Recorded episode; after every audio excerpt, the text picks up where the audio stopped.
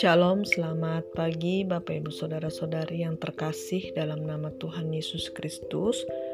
Puji nama Tuhan, kita mengucap syukur kepada Tuhan pada pagi hari ini di mana Tuhan telah melindungi kita dan kita kembali menikmati hari yang baru ini dengan penuh ucapan syukur daripada Tuhan. Nah, Bapak Ibu Saudara, pada hari ini kita tiba di dalam uh, kembali mendengarkan renungan dan sebelum kita membaca dan merenungkan firman Tuhan ini, mari terlebih dahulu kita mengambil waktu untuk berdoa kepada Tuhan. Mari kita berdoa. Tuhan terima kasih buat hari ini kami bersyukur Tuhan buat penyertaan-Mu dan juga buat segala kebaikan Tuhan yang Tuhan senantiasa berikan kepada kami hingga sampai saat ini Tuhan. Kami melihat bagaimana Tuhan terus menolong kami dan um, menyertai kami hingga hari ini kami kembali menikmati hari yang baru bersama dengan Engkau Tuhan. Bapak yang baik, sebelum kami beraktivitas sepanjang hari ini, kami rindu Tuhan untuk mendengarkan sebagian dari firman Tuhan. Kiranya Engkau Allah yang berbicara, menolong kami, menuntun kami, sehingga firman-Mu ini kembali menguatkan kami, dan kami menjadi pelaku akan kebenaran firman Tuhan. Berfirmanlah ya Tuhan, kami siap mendengarkan. Di dalam nama Tuhan Yesus Kristus kami berdoa dan mengucap syukur. Haleluya. Amin. Bapak Ibu Saudara pada hari ini kita tiba dalam kitab Amsal sorry kitab Amos di ayatnya pasalnya yang pertama dari ayat yang ke-1 sampai ayatnya yang ke-15. Kitab Amos pasalnya yang pertama dari ayat pertama sampai ayatnya yang ke-15 dengan judul perkataan yang dinyatakan kepada Amos, salah seorang peternak domba dari Tekwa tentang Israel pada zaman Uzia Raja Yehuda dan dalam zaman Yerobiam anak Yoas Raja Israel dua tahun sebelum gempa bumi. Berkatalah ia, Tuhan mengaum dari Sion dan dari Yerusalem ia memperdengarkan suaranya. Keringlah padang-padang pengembalaan dan layulah puncak gunung Karamel Beginilah firman Tuhan, karena tiga perbuatan jahat Damsik bahkan empat, aku tidak akan menarik kembali keputusanku, oleh karena mereka telah mengirik Gilead dengan eretan pengerik dari besi. Aku akan melepas api ke dalam istana Hazael sehingga Puri Benhat dimakan habis. Aku akan mematahkan palang pintu Damsik dan melenyapkan penduduk dari Biket Awen serta pemegang tongkat kerajaan dari Bet Eden dan rakyat Aram harus pergi sebagai orang buangan ke kiri firman Tuhan. Beginilah firman Tuhan, karena tiga perbuatan jahat Gaza bahkan empat, aku tidak akan menarik kembali keputusanku oleh karena mereka telah mengangkut ke dalam pembuangan salah suatu bangsa seluruhnya untuk diserahkan kepada Edom, aku akan melepas api ke dalam tembok Gaza sehingga purinya dimakan habis. Aku akan melenyapkan penduduk dari Asdod dan memegang tongkat kerajaan dari Akselon. Aku akan mengacungkan tanganku melawan Ekron sehingga binasalah sisa-sisa orang Filistin firman Tuhan Allah Beginilah firman Tuhan, karena tiga perbuatan jahat Tirus bahkan empat, aku tidak akan menarik kembali keputusanku, oleh karena mereka telah menyerahkan tertawan satu bangsa seluruhnya kepada Edom dan tidak mengingat perjanjian persaudaraan. Aku akan melepas api ke dalam tembok Tirus sehingga purinya dimakan habis. Beginilah firman Tuhan, karena tiga perbuatan jahat Edom bahkan empat, aku tidak akan menarik kembali keputusanku oleh karena ia mengejar saudaranya dengan pedang dan mengekang belas kasihannya, memadamkan amarahnya untuk selamanya, dan menyimpang untuk seterusnya. Aku akan melepas api ke dalam teman, sehingga puri bosra dimakan habis.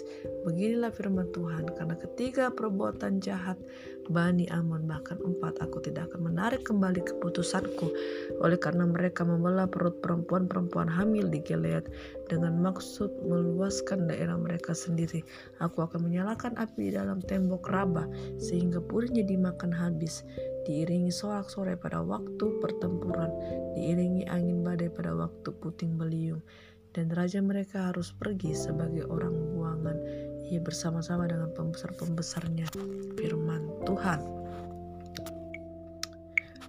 Nah, Bapak Ibu, kalau kita melihat di dalam uh, kitab Amos ya kita mengetahui bahwa Amos ini adalah nabi yang tinggal di Yehuda, kerajaan selatan dan beritanya itu untuk uh, Israel, kerajaan utara. Dan Amos ini adalah seorang awam saleh yang memperoleh nafkahnya dengan menjadi gembala dan petani pohon ara.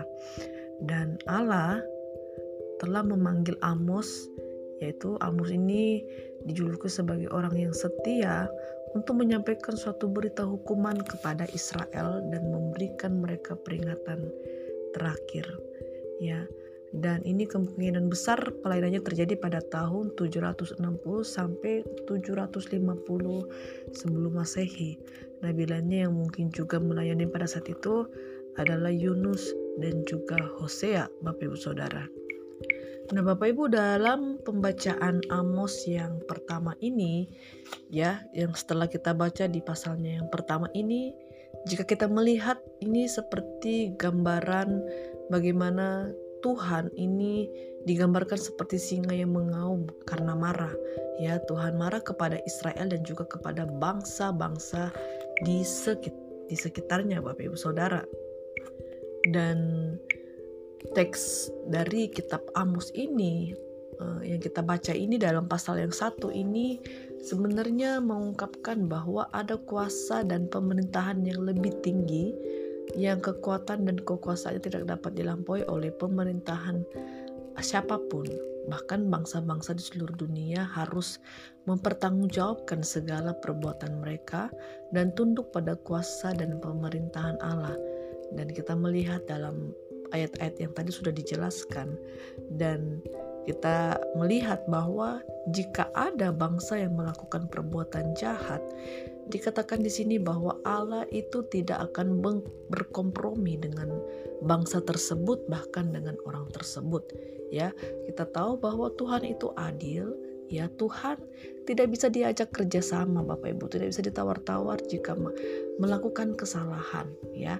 Tuhan tahu dan Tuhan akan menegur siapa pun kita, baik itu kita adalah seorang yang dipandang terhormat, seorang yang jabatannya tinggi, bahkan seorang yang kaya. Namun kalau ketika kita melakukan kesalahan, melakukan kejahatan dengan cara apa pun, Tuhan bisa menegur kita sehingga kita sadar dan berbalik kepadanya sama seperti bangsa Israel pada saat ini Bapak Ibu Saudara.